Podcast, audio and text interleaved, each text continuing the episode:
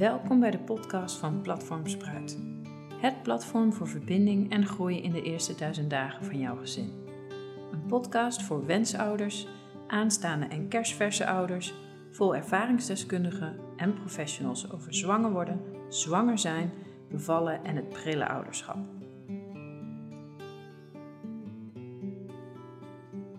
Welkom luisteraars. Het is weer een nieuwe maand en dus weer een nieuw onderwerp.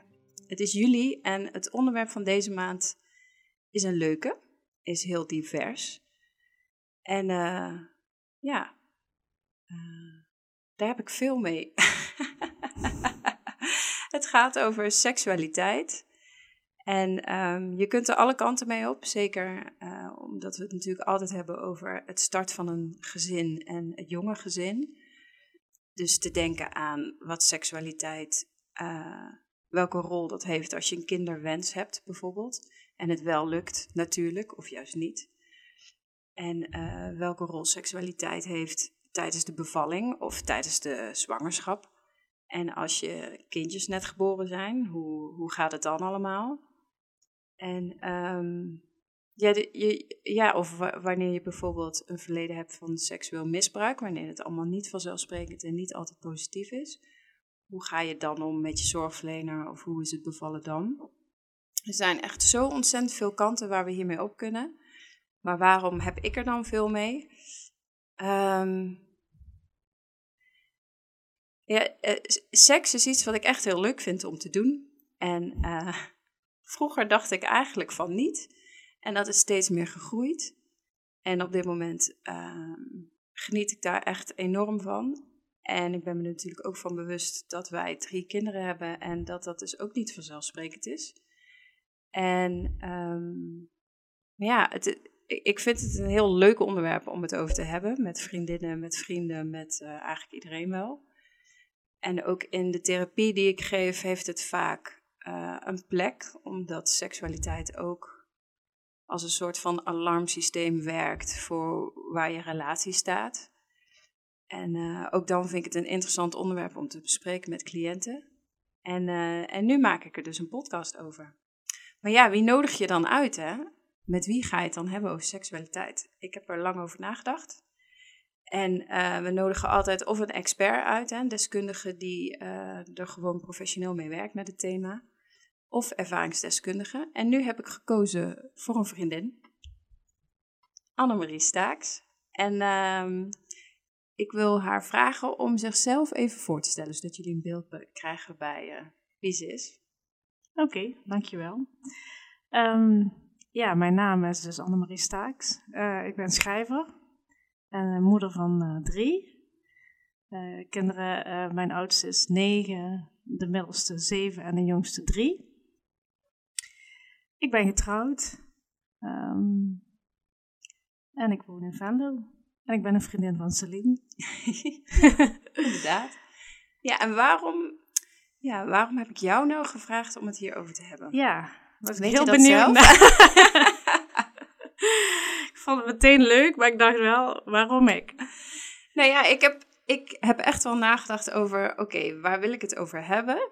En ook over, um, um, van wie weet ik nou dat hij uh, plezier heeft in bed? Dat is het eigenlijk. Maar die wel weet wat het is als je uh, al een langere relatie hebt en kinderen hebt gekregen. Dat zijn wel allemaal alle ingrediënten die ik bij elkaar wilde brengen. En um, ik wil het hebben over positieve dingen en over uh, inspirerende dingen. Inspirerende tips bijvoorbeeld. Of gewoon hoe het ook kan zijn. Um, maar ja, ik zie mezelf ook niet als helemaal representatief. Omdat ik misschien. Uh, ja, uh, net nog wat, ja, hoe zou ik het noemen? Misschien wat extreem ben soms in mijn seksualiteit. Mhm. Goh, wat een, uh, wat, wat een bekentenis hier. Ja, ik weet niet hoe ver je wil gaan. Nee, maar... niet heel ver. maar ik was me er gewoon wel van bewust dat ik niet... Uh, ja, dat wat ik er allemaal over denk en vind en erbij voel, dat dat niet helemaal uh, doorsnee is. En ik dacht, ik denk dat het heel goed is om gewoon iemand met een te nemen ander die heel iemand... doorsnee is. nee, je bent helemaal niet doorsnee, maar wel gewoon ook een moeder met gewoon een relatie, zeg maar. En geen extreme dingen of zo. Ja, klopt. En uh, ja. Ja, ik herkende me wel in jouw introductie. Ehm, toen je begon van, ik, ik hou er heel erg van.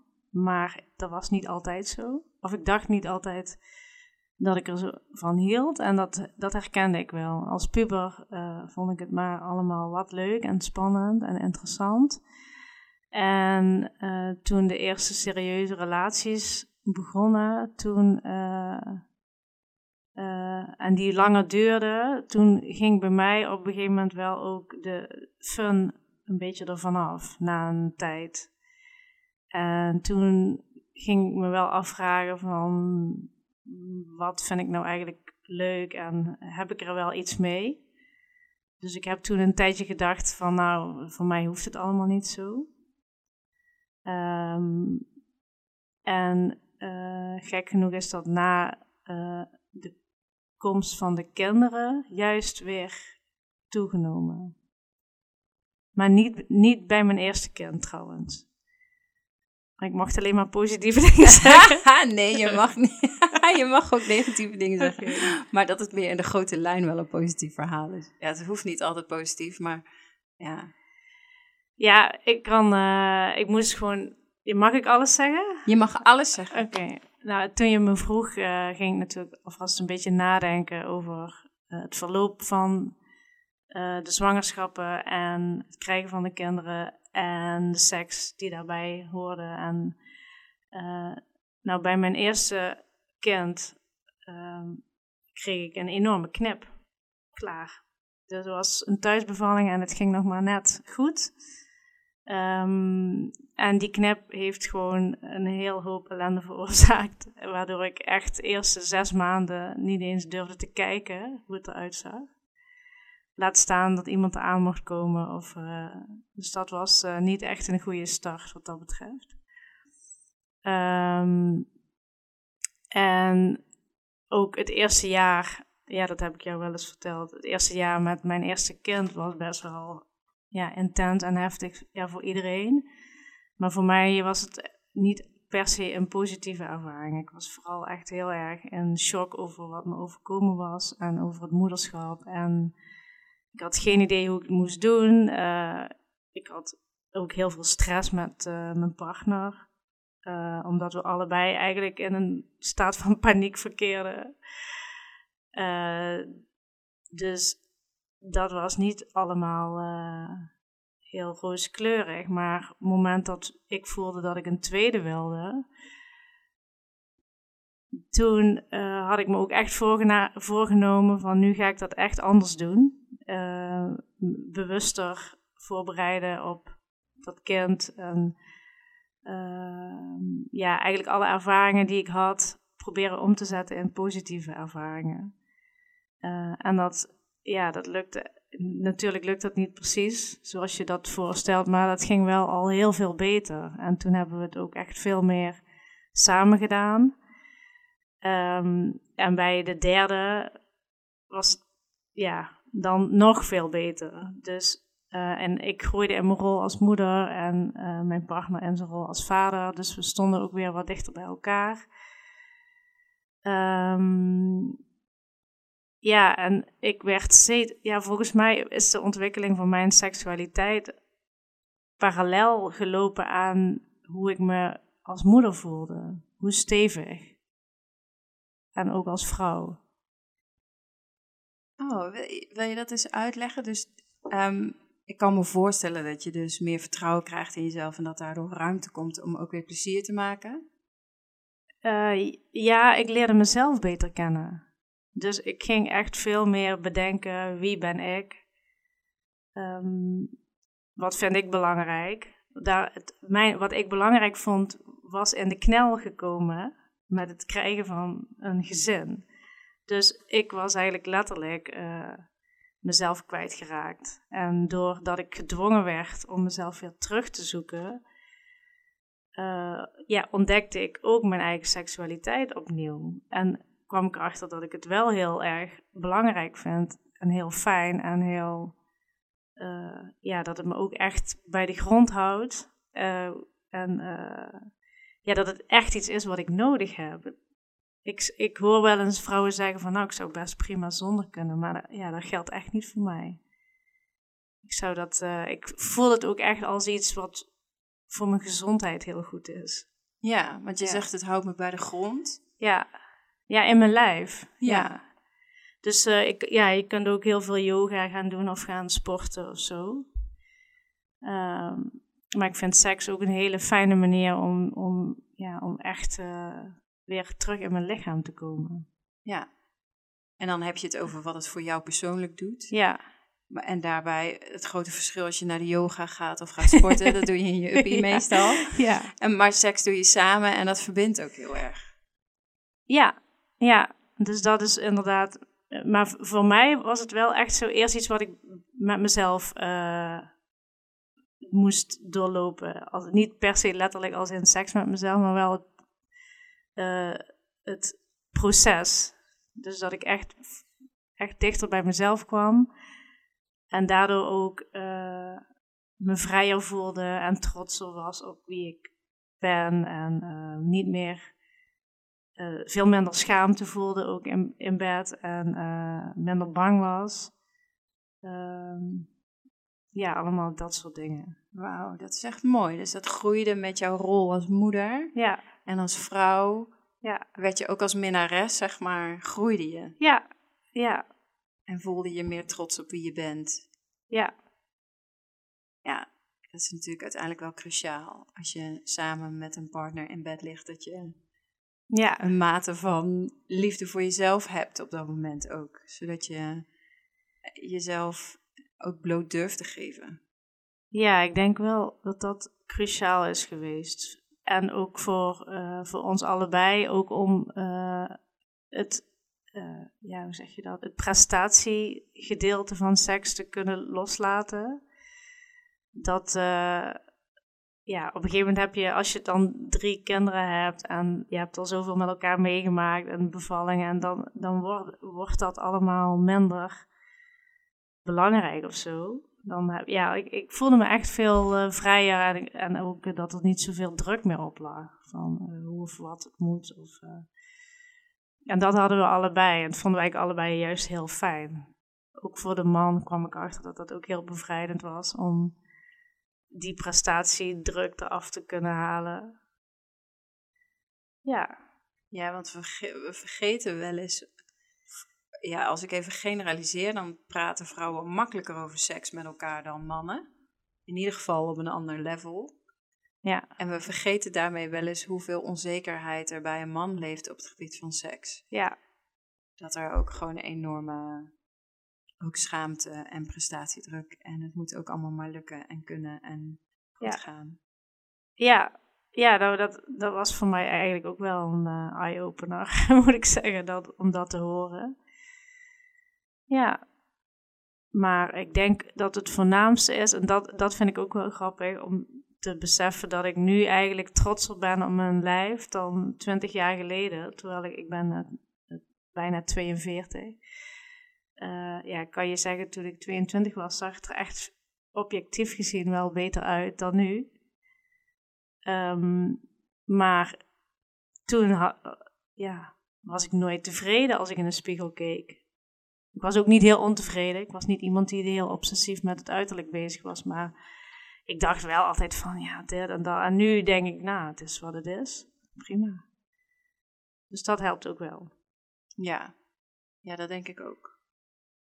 En ik ontleende ook wel een zekere kracht aan het krijgen van kinderen. En dat mijn lichaam dat kon. Ja, dat vond ik super gaaf. Ik dacht van ja, dit heb ik gewoon gedaan in mijn ja, toch een beetje in mijn uppie, voelde het zo. Ja. ja. Dus dat maakte ook dat ik het heel cool vond, dat ik me echt wel krachtig voelde daardoor. Ja, dat is wel tof. Ik heb zelf, ja, ik herken me wel in dat je zegt, uh, toen ik twee, nou ja goed, ik ben 41, dus ik mag nog praten over toen ik 21 was. Toen wiebelde het bij mij over uh, tussen in ontevreden zijn met mezelf en ook wel weer ergens beseffen dat het allemaal oké was en dat ik er goed uitzag. En, uh, en nu ben ik 41 en merk ik dat ik nog steeds wiebel. Tussen uh, trots zijn op hè, ik ben elf jaar geleden getrouwd en dat ik de jurk nog pas zonder moeite. Ergens denk ik dan, ha, dat heb ik wel mooi geflikt na drie kinderen. En aan de andere kant eh, ben ik nog steeds aan het zeiken op mezelf, als ik naar mezelf kijk. Ja, nou, Blijft bij ja. mij wel. Ik bedoel, echt, die dagen heb ik ook. Maar in, het groot, in de grote lijnen ben ik wel veel meer at ease met mijn lichaam. Misschien Ja. is dat beter om te zeggen dan dat ik het mooier vind of zo. Maar Ja, misschien heb ik dat ook wel, ja. Dat ik wel denk, ja, de dingen die ik niet mooi vind, hallo, die hebben wel werk verzet. ja, ook dat. Het is vooral mijn buik. En dan denk ik, ja, daar hebben gewoon drie kinderen in gewoond. En eh, Ja, het is dan zo. ja. Toen jij dit bedacht als onderwerp voor, de, voor deze podcast, eh, eh, moederschap en seksualiteit, noemde Ja. je dat? Wat waren dan de thema's waar jij aan dacht? Nou ja, we, we, we bedenken de thema's samen. Dus we hebben tijdens een bijeenkomst van alle deelnemers aan Spruits, alle zorgverleners, hebben we eigenlijk het hele jaar gevuld met thema's. Dus ik weet niet eens of ik eh, seksualiteit riep of een ander. Dat kan ik me niet helemaal herinneren. Maar ja, wat ik net aan het begin vertelde, dat is denk ik waar ik over nadenk. Kijk, vanuit mijn eigen leven bekeken, eh, triggert het woord seksualiteit vooral, oké, hoe combineer je seksualiteit met je partner en het gezinsleven? Hoe hou je het levend, ondanks dat je ook zorg hebt voor kleine kinderen? Eh, hoe zet je je over de angst dat de kinderen je kunnen horen of betrappen of zo? Hè? Voor sommige mensen is dat echt eh, ja, een kokblokker, zoals we dat Ja, ja. noemen. Ja, op die manier, ja. Ja, en oké. eh, dat is vooral iets waar wij ons. eh, oh, ik tik tegen dingen. Het is vooral iets waar wij ons heel bewust van zijn, Pieke en ik. Over hoe we dat doen. En hoe, ook hoe we praten over seksualiteit met de kinderen bijvoorbeeld. Maar als ik dan eh, naar het thema kijk vanuit Spruit, dan denk ik, ja, en wat ik zei, hoe ga je om met seksualiteit als je een kinderwens hebt? Of als het niet natuurlijk lukt en je gaat een vruchtbaarheidstraject in, wat, wat doet dat met je seksualiteit? Of eh, seksualiteit in de zwangerschap. Ja, goed, dat is voor, hè, de Mm. hormonen doen bij iedereen iets anders. De een krijgt onwijs veel zin in seks en de ander helemaal niks. Mm, ja, want dat is wel iets wat je ook niet moet uitvlakken, denk ik. Die eh, cyclus. Dat is tenminste, ja, voor mij ook een enorme factor in het hele verhaal. Je bedoelt gewoon je maandelijkse Ja. cyclus, waarin Ja. je eh, met je ovulatie en je menstruatie, hoe dat op en neer gaat. Ja. En ook je zin in seks. Ja, Ja, dat is bij mij hoe ouder ik word. Tenminste, het is in de laatste jaren zo uitgekristalliseerd hoe voelbaar het is voor mij in welke week ik van mijn cyclus zit. En hoe groot het effect daarvan is. ja. Dat is echt. eh, en dat had ik toen ik in de twintig was. En ik denk begin dertig had ik dat echt niet door. Nee, nee, ik ook niet. Nee, dat is echt voor mij ook pas iets van de laatste jaren. Maar ik weet ook niet of ik het niet door had, omdat ik gewoon niet de aandacht daarop legde, of dat het ook echt minder aanwezig was. Ja, die vraag heb ik mezelf ook al Ja. gesteld. Ja, wat, wat is het een soort van natuurlijk proces dat je er steeds meer bij stilstaat? Of veranderen de hormonen dermate dat je het ook echt heel goed kan voelen? Ja, kijk, ik heb na die laatste bevalling dus die eh, overdosis hormonen gekregen, of hoe zeg je dat? De schildklier gaat soms wankelen na een bevalling. Ja. Het schijnt vaker voor te komen, dat had ik dus. Dat, dat heeft me een jaar lang echt helemaal, eh, of ja, een soort van lam gelegd. En eh, sindsdien is, is, ja, zijn hormonen heel erg aanwezig in mijn leven. De, de, de aan- of afwezigheid ervan. Ehm, dus misschien, da maar daarvoor had ik dat ook echt minder. Ja. Maar ehm, wat ik, eh, ehm, ja, wat ik me nog herinner, weet je, had het net over die eh, eh, kinderwens, als, als je dat bedacht hebt. Van, ehm, ja, ik, ik ben, ja, wij zijn in de gelukkige omstandigheden geweest dat we ja, dat we gewoon heel makkelijk eh, zwanger konden worden. Ehm, en ik heb toen wel vaak ge- gedacht van, god, zal, ja, hoe zou dat zijn inderdaad als je dus echt moet gaan plannen en gaan... eh, wij hebben gewoon maar wat gedaan, daar komt het eigenlijk op neer. Gewoon zo En uh, binnen een paar maanden was het raak. Ik wist ook niet precies wanneer ik uh, gestopt was met de pil bij de eerste. Dat, ja, het was allemaal heel rommelig eigenlijk en heel natuurlijk. Dus we hebben nooit in dat traject gezeten van seks om een kind. Ja. Het was er gewoon ineens. Dus dat, ja, dat vind ik, ja, achteraf gezien zie ik pas hoeveel geluk we daarmee gehad hebben. Op dat moment vond ik dat allemaal heel normaal.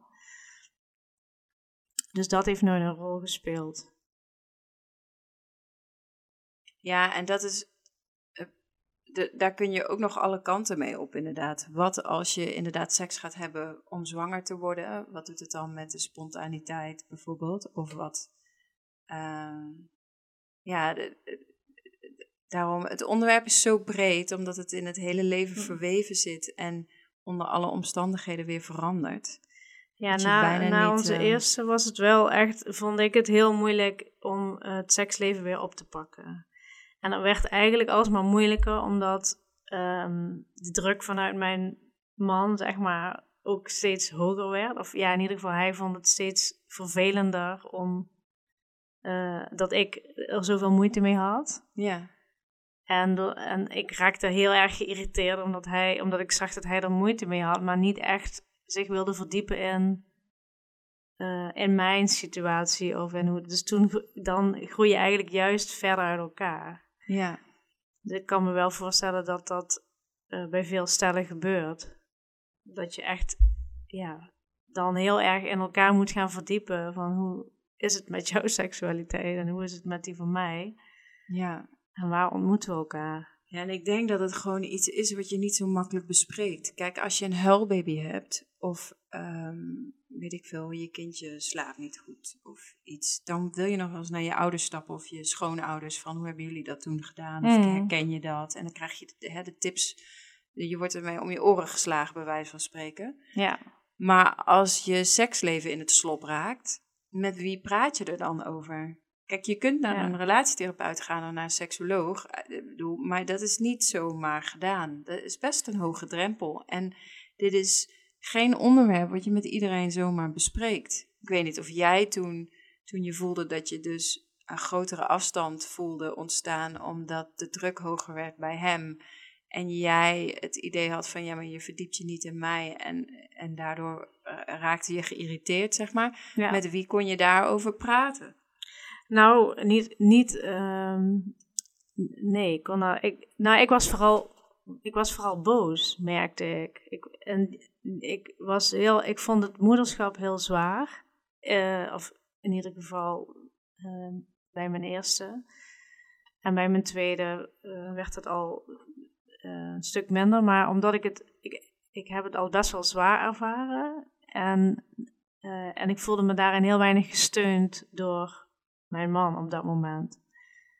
En dat maakte dat ik, dat ik eigenlijk bij elke toenadering die hij deed, dat ik dacht van ja, uh, doei, help me eerst maar eens met dit en dit en dit. Dus ik voelde heel erg dat het een soort transactie werd van, van ja, als jij mij eh, helpt met uh, baby en met alles wat moet gebeuren, dan kan ik er misschien nog eens over denken. Maar dus dat was, het was wel ook een, een ja, we stonden echt niet, ja, we stonden echt een beetje tegenover elkaar in dat uh, stuk. Ja.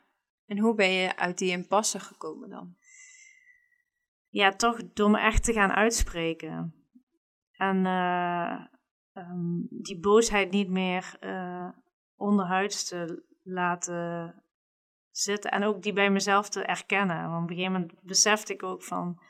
Ik uitte die boosheid niet echt, maar ik was gewoon geïrriteerd en een beetje huistuin- en keukenirritaties leken dat. Maar van binnen was ik echt wel echt boos over hoe alles gegaan was.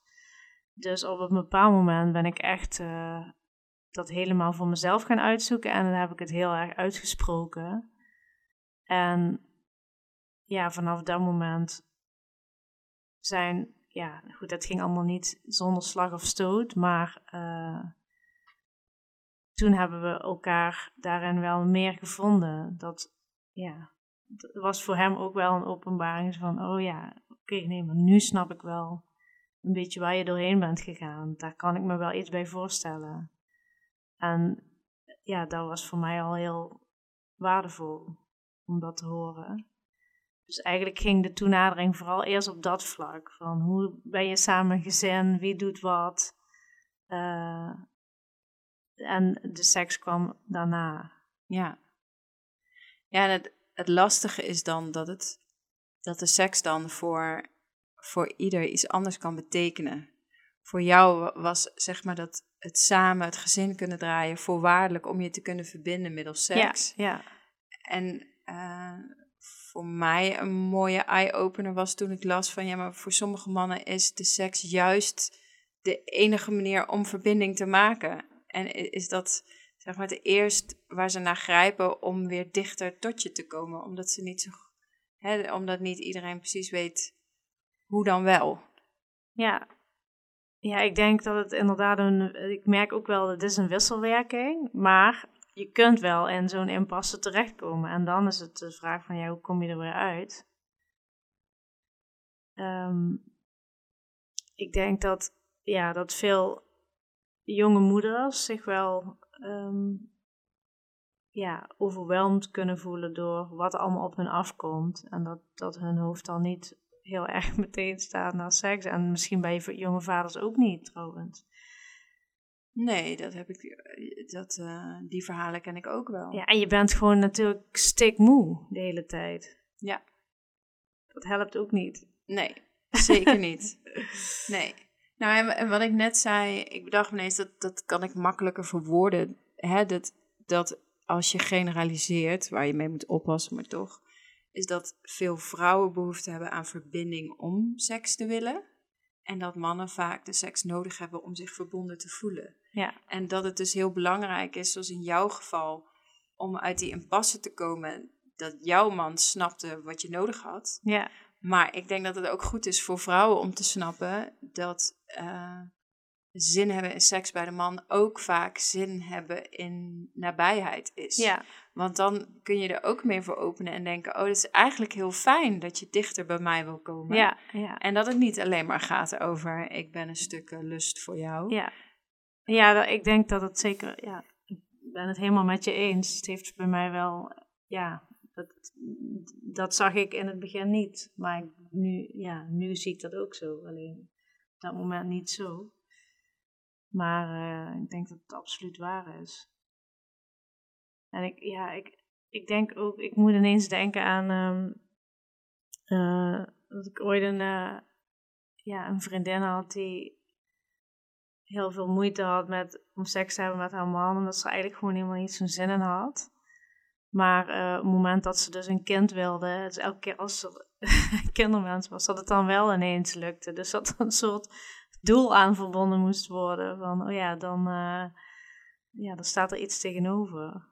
Dat vond ik ook wel heel, uh, heel grappig. En ik, dat, ik herinner me dat ook nog van, want ik was bij uh, inmiddels aan ons derde kind over de 40 weken. En dat ze dan zeggen van, ja, dan moet je seks hebben, dan, dat wekt de weeën op. Mm. Dat wij toen ook wel echt nog in die 41ste week soort van functionele seks gingen hebben. Oh, ja. Met heel veel lol en plezier. Omdat we dan, ja, ik had natuurlijk een mega dikke buik. En dat was echt heel onhandig allemaal. Maar dat het, dat dat ook wel weer iets heel leuks had en iets heel gezelligs. Daardoor. Ja, dat kan ik me ook nog herinneren. Dat heb ik ook wel gedaan. Ja. Heeft trouwens ook helemaal geen zak geholpen, trouwens. nee, en het is ook bijna nooit. Uh, het begint ook alleen maar uh, als het toch al op het punt stond te beginnen. Ja. Dus misschien dat het een paar uur later zonder dat orgasme was Ja. gebeurd. Het orgasme zet dan, Ja. uh, ja. hè, laat dan je, je baarmoeder samentrekken. En wat overgenomen kan worden uh, als zijnde weeën. Maar ja, die waren dan ook wel uh, gekomen een dagje later. Of, Ja. Maar het is wel een leuk verhaal. Ja. ja. Maar ja, goed, eh, een stuk wandelen en zo helpt ook. Maar, eh, maar ja, nou, nou, het is, het, wacht, het is wel zo dat als je ingeleid wordt, dan krijg je proglandestine, of ik weet even, ik weet, ik weet nooit hoe je dat moet zeggen. Al die hormoonnamen zijn altijd zo lastig. Maar eh, die maken ze vanuit varkenssperma, geloof ik. Of synthetisch, maar die zitten ook gewoon in, eh, die zitten gewoon in sperma. Dus het is niet Ah, alleen ja. eh, dan je eigen orgasme dat, eh, wat over kan slaan in weeën, maar het is ook het hormoon in Ook sperma vaak- wat, vaak je ja, wat je baarmoedermond verweekt. Dus het helpt allemaal mee. Oké. Dus nou, het is wel, als je het goed doet, met, Dus, eh, met voor, beide eh, eh, een orgasme, ja. dan... Voor alle luisteraars die in de Ja. 41ste week zitten, Ja. ga ervoor. ja, precies. Het heeft wel... ja, goed. Maar ja, ik, ik weet niet of het echt... maar het, het, het, het levert wel hilarische momenten op, ja. Ja. ja. Ja, en ehm, ik, eh, ik, ik had ehm, in juni eh, een stukje gelezen. Ik geloof dat het bij RTL Nieuws eh, gepubliceerd was. En het ging over een onderzoekje van de Universiteit van Utrecht. En dat ging over dat een kwart van de Nederlanders bijna geen seks meer had. Die van de mensen in een relatie.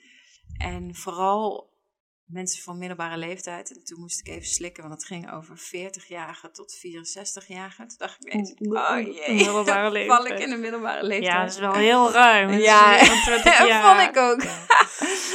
maar eh, ja, dat het vooral dat echt een derde van de mensen in die categorie, eh, ja, hooguit een paar keer per maand, maar vaker een paar keer per jaar, seks heeft. Ja, punt 1 vraag ik me altijd af, hoe komen ze aan die cijfers? Ja, ze hebben gewoon een, eh, een survey gehouden. Mij hebben ze niet gevraagd. Nee. nee, ze hebben zich beperkt tot een aantal duizend mensen, geloof ik. 1500 of zo. En, eh, maar ja, ik vond, het niet een, ik vond het niet een heel geweldig onderzoek hoor. Ik, ik, eh, het leek alsof het was een beetje. ehm, Maar je vond het, vond het shocking weinig? Of, of hoe... eh? Mm, nou ja, voor, voor, de, voor onze leeftijdscategorie, de middelbare Mm. leeftijd, eh, een derde vind ik wel veel. Als een derde van de mensen bijna geen seks meer heeft, dat vind ik wel veel. Ja. Ja, kijk, het is ook niet per se de hoeveelheid seks die je Nee, dat Ja, stond er ook wel in. Want ik denk wel van qua, hoeveelheid, eh, eh, of hoe zeg je dat? Qua, ehm, is, is bij ons ook echt niet zo dat je zegt van nou, nou, eh, mag wel wat minder. Maar eh, de kwaliteit is wel heel hoog. Dus ik denk dat dat dan voor mij nog veel belangrijker is dan dat we het eh, iedere dag eh, doen. Ja, nou in dat, in dat eh, onderzoek zeiden ze ook dat de kwaliteit belangrijker was dan de kwantiteit. Alleen dat eh, gemiddeld scoorden de mensen wel maar een 6,7 op hun seksuele relatie. Of hè, de, de seks in hun relatie. Dus dat was eigenlijk laag. En waarom ik het benoem was dat ehm, ik wilde het sprongetje maken naar seks binnen het gezin. En eh, maar 7% had aangegeven dat de seks minder was geworden door de komst van de kinderen. En dat vond ik dan wel weer een leuke verrassing. Want ik dacht, oh, ik dacht echt dat de komst van kinderen voor heel veel mensen ervoor zorgt dat in ieder geval de kwantiteit naar beneden zakt. Ja, korte, ik denk heel even. Zou, dat eerste half jaar bijvoorbeeld. Ja, Dan zakt het denk ik, ja, vermoed ik. Ik weet het ook niet. Maar ik kan me echt voorstellen als je echt met zo'n zuigeling zit. Je geeft nog borstvoeding, eh, bla bla bla. Maar ja, als het zo. Voor, als, als stel dat ik representatief ben, ik bedoel, daarvoor heb je mij uitgenodigd. Ik ben een complete super doorsnee gemiddelde moeder. Dan geldt misschien voor die andere moeders ook wel dat ze juist met het krijgen van kinderen zich beter in hun vel voelen. En dat het daarna weer toeneemt, na, als de kinderen iets groter worden. ja, nou daarom heb ik jou gevraagd. Ik wil dat jij representatief bent. ja. Want ik vind dat jij representatief zou moeten zijn. En ik vind het juist heel inspirerend dat je zegt dat dus dat groeien in die moederrol, dat, hè, dat je als vrouw ook eh, meer vertrouwen kreeg en meer trots en zo. En dat je dat dus meenam in je seksuele relatie. Dat is Hmm. juist heel mooi.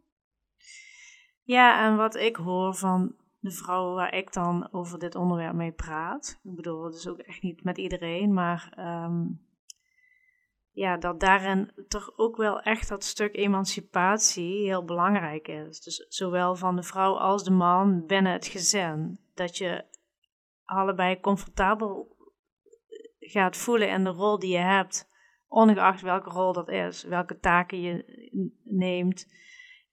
Kijk, als ik dan voor mezelf spreek, ik was altijd echt een, uh, ja, een harde werker. Ik werkte heel veel, ik ben zelfstandig.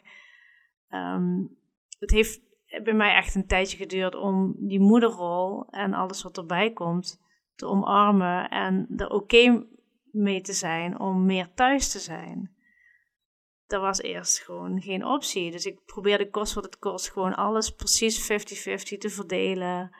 Van ik werk vier dagen, jij werkt vier dagen, we moeten het huishouden splitten. Nou ja, dat werkte voor ons helemaal niet. Uiteindelijk was ik veel lekkerder en zat ik veel lekkerder in mijn vel toen ik minder ging werken en meer uh, thuis ging doen. Ik had veel minder gedoe met mijn man, want uh, ik had gewoon het eten klaarstaan om half zes, bij wijze van. En dat voelde voor mij heel lekker. En dat had ik van tevoren nooit van mezelf gedacht. Dus dat, dat zijn ook dingen waar je misschien een beetje in moet groeien. Ik hoor het trouwens van een andere vriendin die nu eh, zwanger is van haar tweede kind. Uh, precies hetzelfde proces doormaken. Zo van bij haar eerste kind echt nog heel erg die focus op het werken. En dat ze nu zoiets heeft van ja, ik weet het eigenlijk niet. Misschien vind ik het ook wel lekker om echt me wat meer aan het moederschap te wijden. wil niet zeggen dat ze dan helemaal stopt met werken, maar wel dat het, dat het een andere verdeling wordt, waardoor je. Ja, en dat kan voor de man ook soms juist weer prettig zijn. Dat, ja, dat daar niet de hele tijd zo aan getrokken eh, wordt. Voor, ja, voor, voor ons werkte dat in ieder geval. Ja, het maakt eigenlijk, wat je zegt is, het maakt eigenlijk helemaal niet uit hoe je het verdeelt. Als, als je maar als lekker ieder bent. maar, ja, Als ieder maar goed op zijn plek zit. Ja, want ik denk echt van, uh, er zijn ook heel veel mannen die het helemaal prima vinden om, uh, om veel thuis te doen. En die dat hartstikke lekker vinden. Ja, en als het voor de vrouw dan ook werkt, is het helemaal goed. Maar voor, ja, voor ons werkte dit gewoon beter. En ik ging lekkerder in mijn vel zitten. Gies kreeg veel meer zelfvertrouwen. Um, ja, omdat ik veel minder op zijn huid zat. Dus ja. Dat, ja, dat pakte heel goed uit. En ik denk, ja, voor dat, afhankelijk van hoe je dan, uh, hoe je situatie is, moet je daar ook in groeien. Je bent eerst ben je een stijl en dan ben je ook ineens een gezin en vader en moeder. En, ja. ja, en dat moet iedereen opnieuw uitvinden eigenlijk voor zichzelf. Maar het, het helpt denk ik wel, precies wat jij ook zegt, om er wel over te praten met anderen, zodat je kunt terughoren. Hè? Dat merken wij ook wel. Wij zitten in een, uh, in een vrouwencirkel samen. En ik vind het altijd heel helpend dat je terughoort hoe anderen met dezelfde issues worstelen. Waardoor je je minder eenzaam voelt. En ook kunt voelen, oh, dit zijn universele dingen die steeds weer terugkomen bij iedereen. Ja. En dat betekent, ja, ik, ik weet niet, uh, het maakt het luchtiger voor mij of zo. Dat ik, dat ik er minder op ga focussen. Dat ik, bijvoorbeeld als we het hebben over de verdeling in huis, hè, waar je het over hebt. Iedereen moet zich lekker voelen in die rol. Want als dat niet zo is, dan heb je gedoe. Ja. En gedoe samen houdt de seks ook tegen. Ja. Want het verbindt minder makkelijk. En dan, heb je daar, dan denk je, nou ga eerst maar eens even de afwas doen. En dan wil ik wel over nadenken. Ja, ja dat, dat werkt bij mij ook wel zo. Als, uh, als Pierke heel veel in huis doet, dan, uh, dan heb ik nog meer zin om met hem samen te zijn. Gewoon omdat ik er ja, van gecharmeerd ben. Ja, ja, ik weet het niet, zo fijn. En ik voel me gezien en gedragen. En, uh, nou ja, je bent meer ontspannen. Ja, ook dat. En als ik het in mijn eentje sta te doen, dan uh, frustreer ik mezelf vaak. En nou, dan heb ik echt geen zin in seks. Maar um, dat terughoren van anderen en dat kunnen delen. En als ik dan van meerdere vrouwen hoor, oh ja, dat, dat is bij ons ook ongeveer het thema. Dan denk ik, oh ja, dan, dan kan ik het wat meer loslaten. Dan kan ik denken, dit is universeel. Het zit cultureel of maatschappelijk ingebed in ons. En dat betekent niet dat je het moet laten zijn voor wat het is en dat je er niet over moet praten met elkaar in je relatie. Maar het, ik, het kan mij wel helpen met het een beetje loslaten en er minder boos om zijn, omdat ik denk, ja, overal is het hetzelfde. Ja, ja ik denk wel wat je zegt, dat maatschappelijke, maar ook de opvoeding. Want um, ik zeg dat wel van je moet erin groeien, maar het, um, je moet het ook echt van jezelf weten wat voor jou werkt. Want ik, ja, ik ben eigenlijk voor mijn gevoel er te laat achtergekomen wat voor een soort moeder ik ben. Dus ik heb het heel lang echt te weinig vanuit mijn gevoel. Ik vertrouwde gewoon te weinig op mijn gevoel. Ehm, dus bij mijn eerste kind ben ik echt aan mijn gevoel voorbij gegaan. En dat vind ik heel jammer. Dat, dat had ik echt. Dus in die zin, die, die vrouwencirkel had ik heel graag eerder willen hebben. Want dan had ik waarschijnlijk al veel eerder mezelf toegestaan om, om mijn gevoel te volgen. Ik kom echt uit een, uit een uh, ja, gezin van uh, hard werken en niet te veel. Ja, dus echt vanuit het hoofd heel erg. En um, dus ik wist het helemaal niet van mezelf. Wat, wat ik fijn vond of hoe ik me daar, uh, wat, wat voor soort moeder ik was. Geen idee, nooit over nagedacht. Nee. Ja, en ik denk dat als je nog geen kind hebt gekregen, eh, het sowieso heel abstract blijft. Wat voor moeder ben ik? Dan baseer je het op wie je bent zonder kinderen. En dat is toch altijd iets rooskleuriger volgens mij wanneer je met slapeloze nachten en de zorg voor een baby, wie je dan ineens blijkt te zijn. Tenminste, dat was mijn ontdekking. Ik, kinderen hebben bij mij ook wel de duistere kanten omhoog gehaald, die ik van mezelf niet kende. Ja, nou, ik, ik ben er gewoon eigenlijk 180 graden door veranderd. Ik, als ik terugkijk hoe ik was voordat ik kinderen kreeg en hoe ik nu ben, dan is echt een wereld van verschil. En dus hoe, want dan, we hebben het er eigenlijk over. Jij zegt, ik kon het vanaf het begin af aan niet op mijn gevoel doen en dat is jammer. Nou ja, dat, dat, ik denk dat we dat wel als een soort van feit aan kunnen nemen. In ieder geval bij Platform Spruit is dat zo'n beetje uh, het ding nummer één. Uh, blijf dicht bij je gevoel, hè, want dat, dat, uh, daar kun je op varen.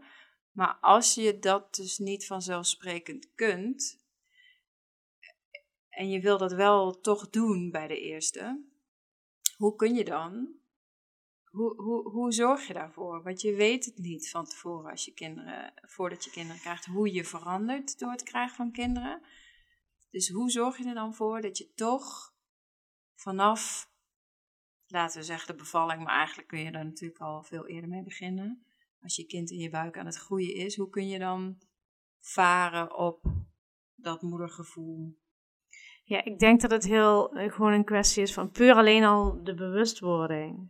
Want ehm, als ik nu kijk naar de, de, ja, zeg maar de, de lichting na ons, zou je kunnen zeggen. Dus die, die meiden die dus nu eind 20 zijn, uh, rond de 30, die hun, die hun eerste kind krijgen of misschien een tweede al.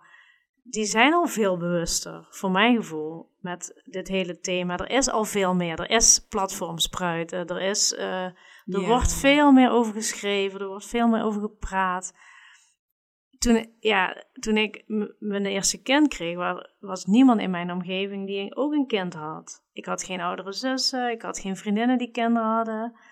Ik had echt geen flauw benul waar ik aan begon. En ik was ook niet, uh, ik had daar niet echt een beeld bij. Ik was ook nooit echt van plan om moeder te worden. Dus het was niet zo dat ik echt, ik was niet zo iemand die uh, dacht van, oh, ik wil een man en ik wil een kind of ik wil een gezin. Ik was eigenlijk altijd alleen maar bezig met uitgaan en feesten en schrijven. En, um, dus ik had, me daar, ik had helemaal niet over nagedacht.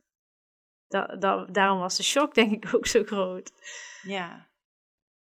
En dat vind ik dus wel heel kwalijk als ik dat nog... Ja, ik wil niet... Ik bedoel, ik, ik in de hele, hele traject bij de verloskundige vond ik eh, achteraf gezien heel erg medisch, wat op zich heel belangrijk is. Maar dat hele stuk, ik voel me niet dat ik daar echt werd voorbereid op het emotionele stuk. Nee. En daar zijn zij waarschijnlijk ook niet voor, maar ja, wie dan wel? Precies. Ja, en als je dan uh, naar de zwangerschapsyoga gaat, zoals ik dat toen heb gedaan, bij de eerste, ja. vond ik ook niet word je er ook niet echt op voorbereid. Gaat het veel meer over in je lijf aanwezig zijn en hoe ga je die bevalling in en hoe adem je en hoe ontspan je je lijf. Maar ook niet. Uh, ja, ik ging toen bij zo'n soort sportjuf. was een, ja, ja, dat heb je ook. Zwanger fit. En er nou, was helemaal, helemaal niks, niet uh, over nee. je rol als moeder of hoe verander je als vrouw of hoe, hoe doe je dat met je partner. Ja, kijk, um, Platform Spruit gaat natuurlijk juist daarover, over hoe bereid je je ook emotioneel voor. Ik weet niet of het kan, maar het feit dat je weet dat er dingen op je af gaan komen, alleen dat al. Ja. Ehm, en dat volgen van je gevoel. Kijk, het consultatiebureau is, heeft, heeft, ja, vond ik ook. eh, ehm, voor mij heeft het soms wel een averechts effect gehad. Zij adviseerde dingen heel erg zo van je moet dit doen en je moet echt heel erg meetkundig bijna. Van ja, je mag ze zoveel minuten laten huilen. Of eh, ja, en, en ik kon nog niet eens eens een minuut eigenlijk volhouden. Ik wilde dat kind gewoon bij me pakken, maar ik dacht nee, dat mag niet, want dan raken ze verwend en dan liet ik haar huilen en allemaal van die dingen ben ik helemaal door getraumatiseerd. Echt waar? Ja. Dan hebben we het gewoon over negen jaar geleden. Ja, hè? ja. Dat is echt bizar. Ja, maar wat ik zeg, als je niet in een omgeving verkeert waarin dat een onderwerp is, Ja. dan weet je dat allemaal niet. Nee. Nee, ja, nou jij zegt van hoe, weet je wel, bij de verloskundige is het dan heel medisch. Ik denk dat je ook verschil hebt tussen verloskundigen hoor. Dat de ene echt wel meer stilstaat bij het welzijn van de moeder. En ik denk dat in de Centering Pregnancy die tegenwoordig eh, georganiseerd wordt, die was er nog niet in de tijd dat wij onze kinderen kregen. Maar sinds een paar jaar wel. Dan zit je in een groepje. En dan doe je eerst de medische controles vooraf. En dan daarna zit je bij elkaar. En dan heb je een thema. En dan praat je met elkaar erover. Ja, er is ook wel heel veel veranderd volgens Ja. mij, ten goede. Ja, ik denk dat dat al een hele grote verbetering is. Maar ja, zoals ik, ik weet bij haptonomische zwangerschapsbegeleiding gaat het juist over het voorbereiden op het feit dat je van twee naar drie gaat. Of van, hè, als je al kinderen hebt, van drie naar vier of van vier naar vijf. Maar in ieder geval van, eh, het kindje neemt al een plek in zodra het in de buik groeit. Hmm. En als het geboren wordt, nog meer. En hoe ga je er als partners dan mee om dat er zo'n derde persoon in je relatie komt, zeg maar. Dus daar sta je dan al heel erg bij stil. En daar gaat het natuurlijk ook heel erg over dicht bij jezelf blijven en bij je gevoel en bij wensen en bij eh, hoe je dingen voor je ziet. Ja. Dus de, de, de- er is een heleboel, ehm, zodat je je daar goed op kunt voorbereiden. Maar het moet wel op je pad komen. Je moet er Ja. wel van horen. Je moet Ja, het wel ik- weten. Je moet het inderdaad wel weten. Ja, ik wist echt van niks. Ik heb wel één boek gekregen toen van een yoga-docenten die ik kende via via. Daar ben ik haar eeuwig dankbaar voor. Eh, ze zei nog, eh, dat is een boek van eh, Ina May Gaskin. Ja, En ik weet nog heel goed, eh, het is trouwens eh, Irene Poel waar ik het over heb. Irene, dankjewel nog. Dat ze zei, ja hier, dit vinden de meeste mensen heel raar, maar misschien is het wat voor jou en anders doe je het maar weg. En het is zo'n hippie eh, bevallingsboek eigenlijk uit de jaren zestig. ja. Daar heb ik zoveel aan gehad. Dat was het enige waarin ik iets las van hoe mooi een ge- geboorte en een bevalling eh, kan zijn. En hoe liefdevol. En, want alle andere dingen die ik onder mijn neus kreeg waren alleen maar medisch en, en, en waarschuwingen. En van wat je allemaal, eh, allemaal enge dingen die je te wachten staan. ja En- alle risico's. Ja, ja, ja. ja Aina May is ook degene die zegt: eh, The energy that uh, made the baby go in is the same energy you need to make the baby come out. Oh, dat geloof ik wel, ja, Ik weet ja. niet de letterlijke woorden, maar eh, zij eh, is, is juist ook iemand die heel hard roept dat eh, bevallen een seksuele daad is. Ja, nou, ik denk serieus, dat boek, eh, dat heeft ervoor gezorgd dat ik thuis kon bevallen. eh, terwijl ik van niks wist. Dat, is, dat boek heeft me er echt, dat was het enige waar ik de hele tijd aan dacht, terwijl ik lag te bevallen. Ja. Dus, Ja, nou, ik, die, die quote van haar is ook eentje die ik echt heel belangrijk vind en ook altijd wel in de begeleiding benoem. De, het verband tussen eh, seks en bevallen, dat, dat ligt zo dicht bij elkaar. En voor sommige mensen ligt het in hun beleving zo ver uit elkaar. Het ene is iets leuks wat je voor je lol doet en het andere is iets, eh, is een noodzakelijk kwaad wat je nodig hebt om, je kind uit je buik te krijgen. ja, Maar dat is eigenlijk helemaal niet zo. Het is echt eh, dezel- exact dezelfde hormonen eh, ja, zijn in het spel. Je hebt dezelfde voorwaarden nodig om het goed te laten verlopen. Dus niet te veel publiek of eigenlijk gewoon geen publiek. ja, En eh, geen felle lampen. En je niet onder druk voelen staan. En gewoon helemaal in je lijf kunnen zakken en je hoofd uitzetten. ja, En dat is de beste eh, eh, Ja. staat waarin je kunt zijn als je bevalt. Maar ook als je wil genieten van seks. Ja, ik, ik, ik denk inderdaad, ehm, ja, in mijn schrijven werk ik heel veel met Joseph Campbell. Je, je zit naast een rij boeken van hem op dit moment. En hij, hij zegt ook, hij heeft heel veel geschreven over wat mensen drijft. Ehm, waarom doe je wat je doet? En waar zijn we allemaal naar op zoek? En nou ja, dat soort dingen. En een van de zinnen die ik heel vaak eh, citeer, is dat hij zegt van ja, we willen ons allemaal levend voelen. Dat is eigenlijk het gevoel waar we naar op zoek zijn. Ehm, en je voelt je op bepaalde momenten levend. Eh, Als in echt van oké, nu voel ik me echt levend. En ik heb dat inderdaad bij mijn, eh, ja, bij de twee bevallingen waarbij ik geen eh, pijnstillers kreeg. Dus de ene bevalling, ik heb twee helemaal natuurlijke bevallingen gedaan één met, vo- hoe noem je dat, met verdoving.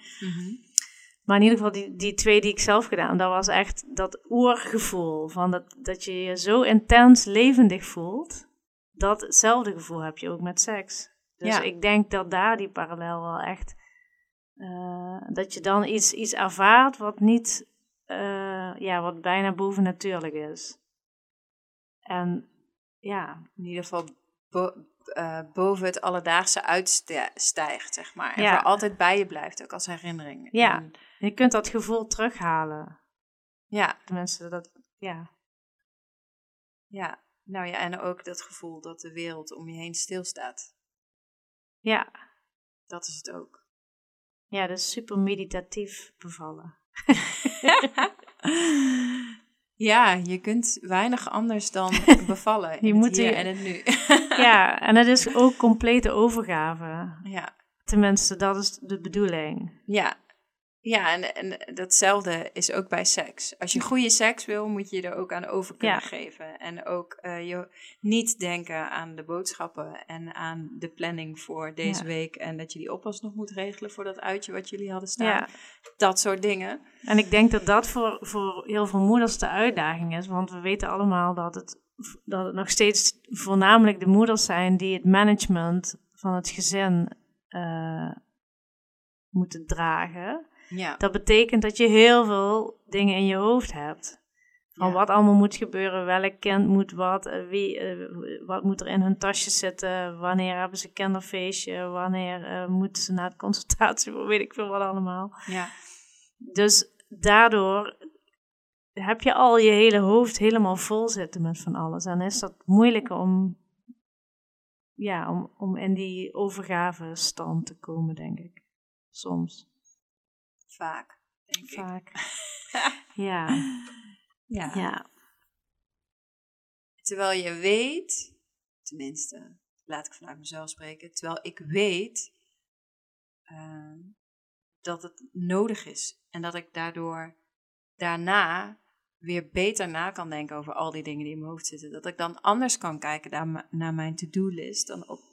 Kijk, op het moment dat ik niet in mijn lijf kan zakken, ik wel seks wil, maar het me niet lukt om Hmm. mijn hoofd uit te zetten en ik dus niet voldoende in de stemming kan raken, dan hoor ik mezelf tegelijkertijd denken, ja, maar als je het nou gewoon wel doet, dan ben je daarna echt veel vrolijker. En dan kun je echt anders kijken naar alles Ja. wat je nog moet doen. Het heeft dus geen, enkele, geen enkel nut om vast te blijven houden aan dat volle Nee. hoofd. Ja, ik heb vooral dat ik, het dan, dat ik daarna in één keer zie hoe onbelangrijk het allemaal is. Dus Ja. de dingen waar ik me dan van tevoren zo druk over maak, dan denk ik, als ik net eh, goede seks heb gehad, denk ik, ah, oh, maakt het ook allemaal uit. Het is niet belangrijk.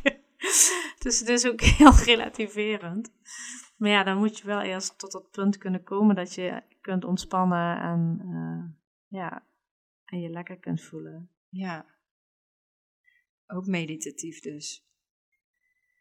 Ja, Ja, een goede meditatie laat dat ook voelen, denk ik. ja, Hoe onbelangrijk het alledaagse is. Ja.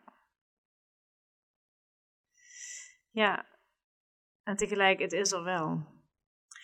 Ja, dat is ook wel zo, maar het, is, het, het eh, helpt wel om er niet te veel aan vast te haken en je er te druk over te maken. Maar gewoon, de, ehm, nou ja, jij hebt het dan over wat drijft ons en wat is eigenlijk ons werkelijke doel in het leven. Wat ik zelf altijd doe is bedenken als ik op mijn sterfbed lig met mijn gezin om me heen, de mensen die dan nog leven, wat vind ik dan belangrijk? Vind ik het dan belangrijk dat ik de ramen steeds op tijd heb gewassen? Ja. En, en dat de vloer schoon was en dat er altijd een uitgebreide maaltijd op tafel stond? Nee, en tegelijkertijd vind ik, ik, ik snap wat je wilt zeggen, maar tegelijk denk ik, ja, ons, als je dat allemaal los zou laten, dus je zou gewoon alleen nog maar in de hangmat liggen met een uh, mojito, dan daar word je ook niet blij van op den duur. Nee, er moet wel balans zijn, tuurlijk. Je, je creëert ook een fijne, veilige plek waar iedereen zich lekker kan voelen. En dat doe je door het onder andere een beetje hygiënisch te houden.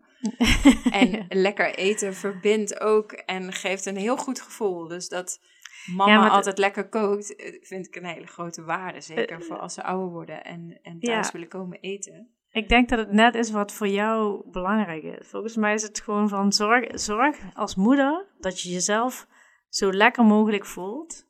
Dat is het beste voor iedereen. Dus doe wat, doe wat nodig is voor jou om je lekker te voelen. Kijk, voor mij is het nodig dat s'avonds de hele boel een beetje opgeruimd is. Dan voel ik me lekker bij. Dus dan doe ik dat. Of ik vraag anderen om mee te helpen. Maar, dus ik kan zeggen, ja, ik vind niet van hoe, hoe belangrijk is het om op te ruimen. Ja, dit is niet belangrijk op wereldniveau of op levensniveau. Maar voor mij op dat moment zorgt ervoor dat ik me lekker en ontspannen kan voelen. Dus, dus voor mij is dat dan toch belangrijk. Ja, dat zeg je heel goed, ja. Zit gelijk te bedenken, oh ja, hoe ziet dat er dan uit in mijn situatie? Oh, kijk heel even. Even kijken hoe lang we aan het kletsen zijn. Bijna een uur. Ehm, als ik dan kijk in mijn situatie, uh, is het bij mij altijd lastig om uh, dat randje van, inderdaad, ik voel me lekkerder als het aan kant is. Of als ik goed gekookt heb en iedereen uh, heeft lekker gegeten. Maar dat kost daarvoor altijd wel stress. Dus wat, uh, dan, dan is het een soort van afweging die je maakt. Hoeveel stress is het waard om me daarna fijn te voelen of trots of uh, dankbaar? Of... Ja, dan moet als het goed is niet al te veel stress aan vooraf gaan. Ik denk, dan, ja, dan moet je misschien nog iets langer doorzoeken naar de juiste balans. ik weet het niet. Nee, ik merk gewoon vooral als ik, het, als ik de tijd heb om, om echt goed voor mezelf te zorgen. Dus dan bedoel ik, dus voor mezelf zorgen kan ook voor anderen zorgen zijn. Maar dat ik ja, dat ik een bepaald aan, ja, wat ik zeg, dat ik kan doen wat voor mij belangrijk is. Dus, uh, ja, je eigen waarde nastreven. Ja, dus het, het, uh, ik vind het soms ook heel belangrijk dat ik ochtends de tijd heb om uit te zoeken wat ik aantrek.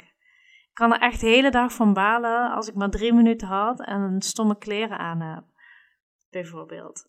Dan vind ik de hele dag, voel ik me niet leuk dus ik denk dan, ja, dat is voor mij belangrijk om even iets leuks uit te kunnen zoeken. En zo heb ik van die dingen die voor mij zorgen dat ik me. Dus ik probeer steeds vaker over na te denken: wat heb ik nodig om me lekker te voelen? En dan merk ik ook dat mensen om me heen daarvan profiteren. Ja, dat vind ik wel heel mooi uitgelegd.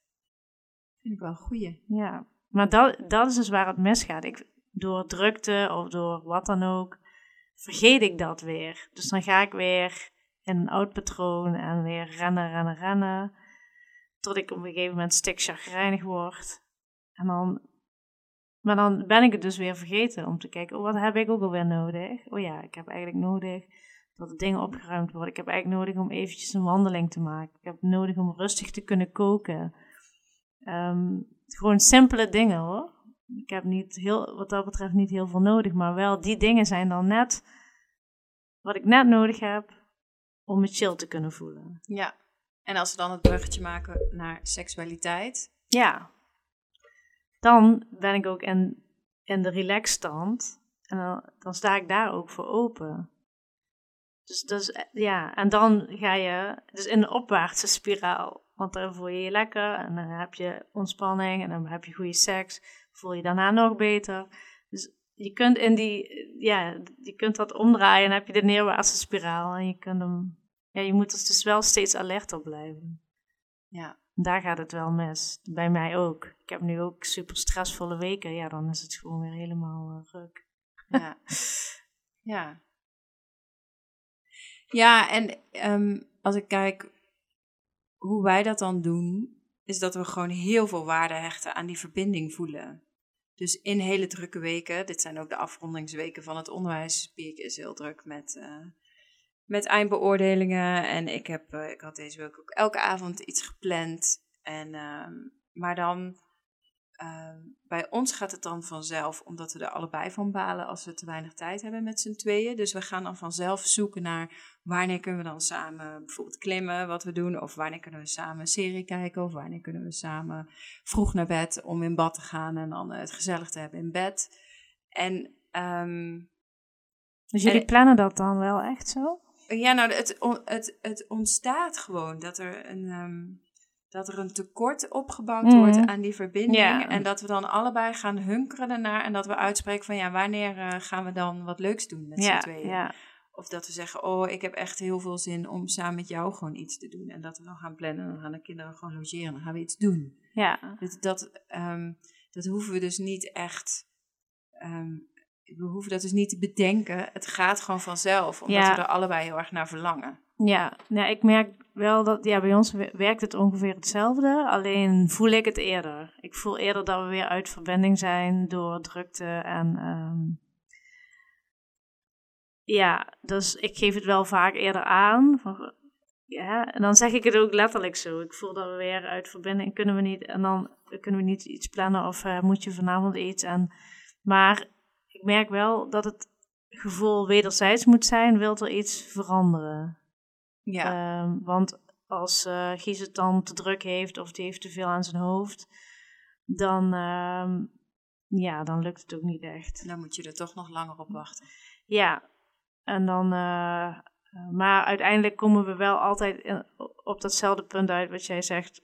Van dan kan het soms weer een paar dagen overheen gaan of zo. Maar wel dat we dan allebei voelen van ja, nu moeten we echt weer even tijd maken voor elkaar. Uh, ja, en dan uh, ja, op, opnieuw voeden. Dus het is echt het alsof een plantje wat je water moet geven. Ja.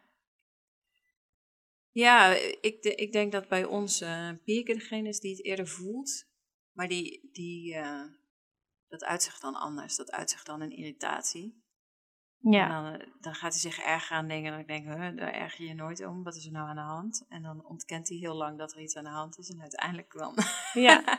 dan komen we erachter. Oh ja, ik was. Uh, vaak heeft het dan met mijn cyclus te maken. Dat ik in de week voor mijn menstruatie ga ik uit contact, zeg maar. Dan ga ik heel erg uh, in, dan, dan ga ik op alleen of zo. Dan, dan trek ik me een beetje terug, emotioneel gezien. Dan voelt hij minder verbinding met mij dat vindt hij dan pijnlijk of vervelend. En dan heb ik, uh, dan gaat hij zich sneller irriteren aan dingen. Terwijl als we gewoon in hmm. verbinding zijn. Klinkt wel alsof ik dan Pierke ben in onze relatie. ja, dat zou kunnen, ja. Ja, ja dan, dan, dan, maakt hij, dan spreekt hij zich ineens uit over dingen. Of maakt hij vervelende grapjes over dingen. Dan denk ik, huh, uh, normaal is dat geen probleem. En daar word ik dan boos van. Van waar, waar doe je nou moeilijk over? En dan uiteindelijk, als we een goed gesprek over hebben, dan duurt altijd even. Dan komen we erachter, oh ja, het begon bij dat ik uit contact ging. En uh, nou ja, zo ontstaat het dan. En dan weten we dus ook de weg weer terug naar hoe het weer fijn wordt.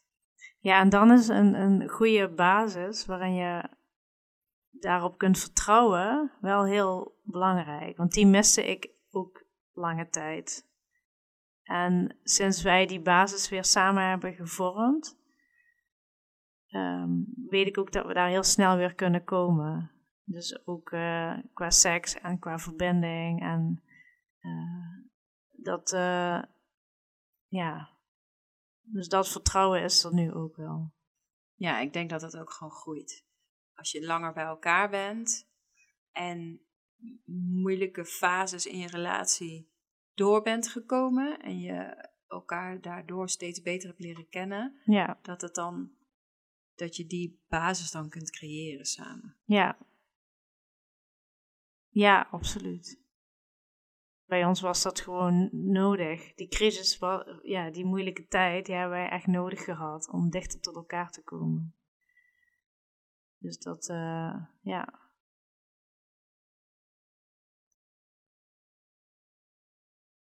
Ja. Gek hè, ik zit nou ook te denken, we zijn nou een uur aan het kletsen. Het thema is seksualiteit, maar het gaat toch ook gewoon over het huishouden en ja. relaties. Wil je liever nog meer over seks praten? Nou, de mensen die deze podcast gingen luisteren omdat ze iets over seks wilden horen, die zijn toch al lang afgehaakt. ja. Oh. ja, je moet het dan onder een andere naam eh, doen, niet onder platform Spruit. Oh ja, ja, dan kan ik het meer echt, echt eh, ja, over dan, seks dan kunnen we de diepte in. Ja, inderdaad. Nou, en ik denk dat ik nog wel tien podcasts over seksualiteit zou kunnen maken. En ook met een man Ja. samen een podcast maken over dit thema bijvoorbeeld. En ook over, eh, ja, weet ik veel. Er is gewoon zoveel. Ja, Het, het, het is zo'n. Wat ik merk, en daarom vind ik het denk ik ook altijd een leuk onderwerp. Het is zo'n groot onderdeel van ons leven. En het drijft ons bij heel veel gedrag, zeg maar. En heel veel heeft met seksualiteit te maken, met aantrekkingskracht of flirten of eh, weet ik veel. eh, in je hormonen van je cyclus en dat je heel outgoing Hmm. bent. En, en, eh, en, en seksualiteit, seksuele energie is ook levensenergie, waar jij het over had, dat levend voelen en die Ja. vitaliteit. Als je dan kijkt in de Chinese leer bijvoorbeeld, of bij de yoga en zo, dan, ik weet niet, de chi of Ja. de kunda, kundalini, Kunda- kundalini yoga, Ja, ja. kundalini yoga, ja. Nou, al, weet je, we worden ons daar ook wel steeds bewuster van, dat het ook gewoon onze levensenergie is. En we, zijn, we worden allemaal geboren uit seksuele energie, omdat Hmm. we uit, eh, uit de seks van onze ouders voortkomen, zeg maar. Dus ehm, ik, ik vind het gewoon, het is gewoon een heel groot onderdeel van ieders bestaan. En daarom, eh, ja. en ik- het is gewoon heel veel lol. Het spelen voor volwassenen, hoorde ik laatst iemand Ja, Het leukste ja, spel van de volwassenen. Ik denk, ja, dat heb je mooi gezegd. Zo voelt het ook. Ja, want ik heb dat ook wel vaak, dat ik dan denk, wauw, en dit kost niet eens geld. Dat is echt geweldig. Ja, ja. echt hè? Ja, daar, ik vind het gewoon, eh, het is zo, het kan zo leuk zijn om te doen. En eh, ik vind het dus ook heel leuk om het erover te hebben, omdat het een onderdeel is van ieders leven. En we hebben het over van alles en nog wat, maar vaak kunnen we het daar dan niet over hebben. Terwijl ik denk, hoe jammer, want ehm, we zitten ook zo opgesloten in onze eigen relatie, in onze eigen beelden van seksualiteit, waardoor we dus ook niet zo makkelijk kunnen leren van anderen. Als je dat Ja. niet openbreekt en het er niet over hebt, kun je ook niet je eigen blikveld, zeg maar, of je, je paradigma, zeg maar, verschuiven of verbreden, wa- waardoor je ook een beetje vast blijft zitten in nou, hoe je opgevoed bent, of wat jij geleerd hebt over seksualiteit, of hoe jij vindt dat het hoort, terwijl er honderdduizend manieren zijn om je seksualiteit te kunnen beleven. Ja, En, en dat blijft een beetje eh, hetzelfde als je het niet opengooit. En, en niet je verdiept in, oh, doe jij dat? En hoe heb jij dit opgelost? En, en hoe ga je hier dan mee om? En ja, er is zoveel mogelijk. En, en ja. in, in onze maatscha- maatschappij is er zoveel onbekend over de vrouw. Over het ja want dat wilde ik inderdaad nog zeggen van, ehm, ik merk wel dat seksualiteit voor mij, dat, ik denk dat dat in het begin van het gesprek ook wel duidelijk werd, dat het heel erg iets is wat bij mijn vrouwelijke kracht hoort. En dat het niet eens zoveel gaat over mijn partner of Ehm, maar dat ik dat echt veel meer ben gaan ownen, om maar even met een populair woord. Dat, dat, dat deel van mezelf, dat ik, heb ik echt herontdekt. En dat vond ik echt super leuk. En dat had niet zoveel te maken met ehm, of ik nu wel of niet een relatie heb of zo. Ja. Dus het, heeft, het, het, het raakt aan veel meer gebieden dan alleen puur seks hebben met een man of met een vrouw of met je partner. Ja. Het, het, het, het hoort bij eh, ja, hoe je eigenlijk ook in je lichaam zit. ehm, En in het leven staat. in het leven staat. Want ik, ja, ik denk echt ook dat het heel veel te maken heeft met een bepaalde levenslust. Ja. Ik vind dat ook wel een mooi woord. Ja. Ehm, ja. Ja, precies dat.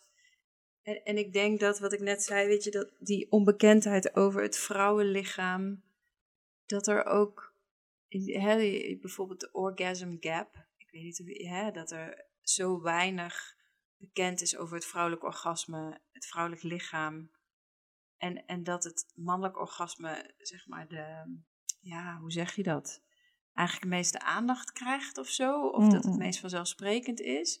En, dat en dat je dus, dat we juist wij als vrouwen dus ontzettend veel te ontdekken hebben nog. Omdat er nog zo weinig over geschreven en gemaakt is qua film of uh, documentaires. Het is nog zo onderbelicht. Ja. Het, is, het is nu pas een beetje aan het opkomen. Maar dan moet je er wel gericht naar zoeken, wil het op je pad komen. Dus ik denk juist dat als we met elkaar vrijer kunnen zijn, uh, in ieder geval qua praten over het onderwerp seks, Ja. dat wij zeker als vrouw zijn, maar ook mannen, nog zoveel te ontdekken hebben op het gebied van ons, hoe ons lijf werkt en hoe ons psyche werkt. En dat we echt heel veel nog kunnen, ja, de- nog heel veel aan zelfontwikkelingen kunnen doen ja, op dat gebied. ja. ja, ik zou het ook echt iedereen gunnen om het echt eh, te onderzoeken bij zichzelf.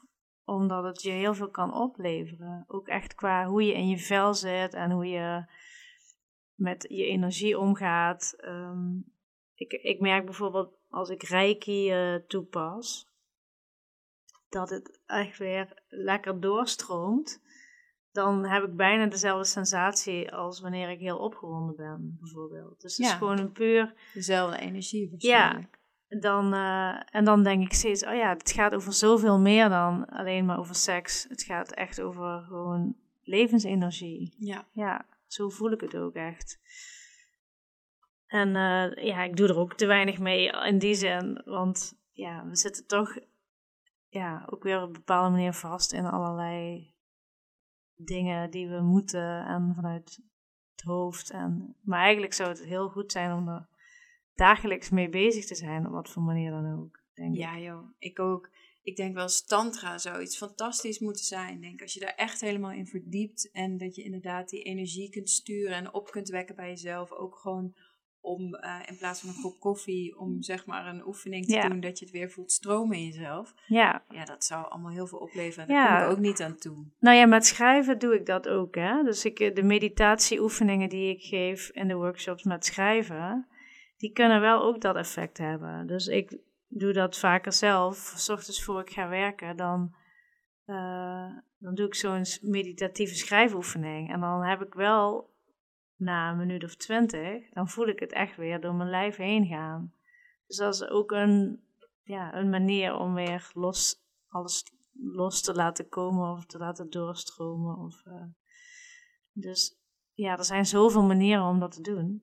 Ja. Alleen we moeten het wel doen. ja. Goed, daar worstelen we gewoon nog even mee verder. Ik, ik hoop dat, ehm, dat deze podcast gewoon eh, een inspiratie is voor mensen die ergens in vastzitten of, eh, of denken dat ze de enige zijn die. Ja, ik weet het niet. Ik hoop het ook. Maar krijg jij naar aanleiding van je podcast nu allerlei vragen? Of hoe werkt dat? Of telefoontjes? Of eh, gaan mensen zeggen van, oh ja, daar wil ik meer over weten? Want het is niet dat we heel veel super nieuwe dingen... Nee, ja, nee. Ik. eh, nou, sowieso heeft de podcast nog niet dat level bereikt dat er heel veel reacties eh, op komen. Wel af en toe zo'n individuele reactie op een, op een opname of wat een uitzending, zeg maar, die iemand leuk vond of waardevol. Maar hebben jullie binnen het platform iemand die speciaal hier op, eh, op dit thema iets doet? Op, Qua seksualiteit of Ja, de ja. podcast bedoel je? nee, qua seksualiteit Qua en seksualiteit. Nee, volgens mij, eh, als ik zo denk, we hebben wel iemand die. ehm ehm, eh, Marie-José richt zich wel heel erg op de ontwikkeling van de vrouw. En heeft wel dat stukje, pakt ze er ook wel bij. En gaat ook bijvoorbeeld over seksuele beschadiging. Hoe je daar dan mee Mm. verder moet. Ja. Ehm, maar als ik kijk naar de mensen die allemaal bij ons netwerk zitten, zit er niemand die zich echt richt op seksualiteit.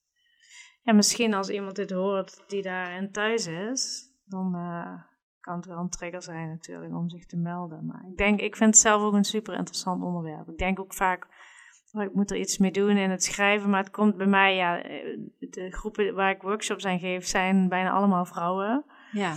Daar komt dit thema ook uh, regelmatig wel aan bod omdat het gewoon in ons zit. En de workshops die ik geef, die, uh, ja, die brengen gewoon aan de oppervlakte wat in ons leeft. Dus je krijgt automatisch dit soort onderwerpen. Niet bij iedereen even um, expliciet, maar. Het is altijd een thema. Ja. Voor iedereen is het een thema. Of je er nou geen zin in hebt, ja. of altijd zin in hebt, of het heel goed gaat, of dat het stroef loopt, maar het is altijd een thema. Ja. Want als het goed loopt, dan is het een heel leuk thema wat je leven verrijkt.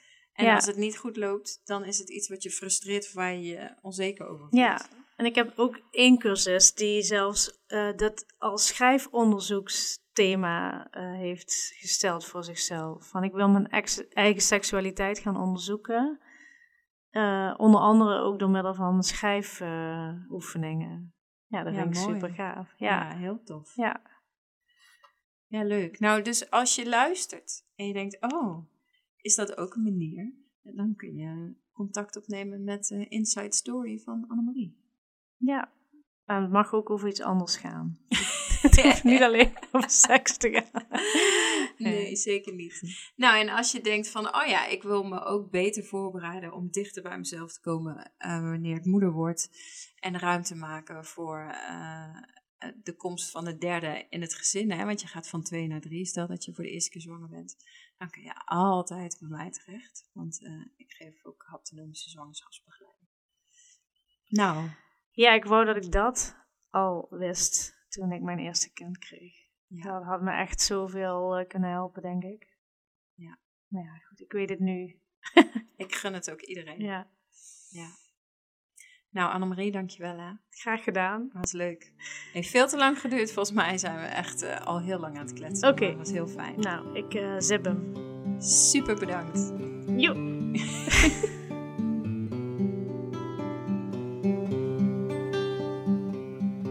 Dit was de podcast van Platform Spruit. Het platform voor verbinding en groei in de eerste duizend dagen van jouw gezin. Wil je zelf meepraten? Sluit je dan aan bij onze Platform Spruit community op Facebook en bezoek ook ons Spruitcafé.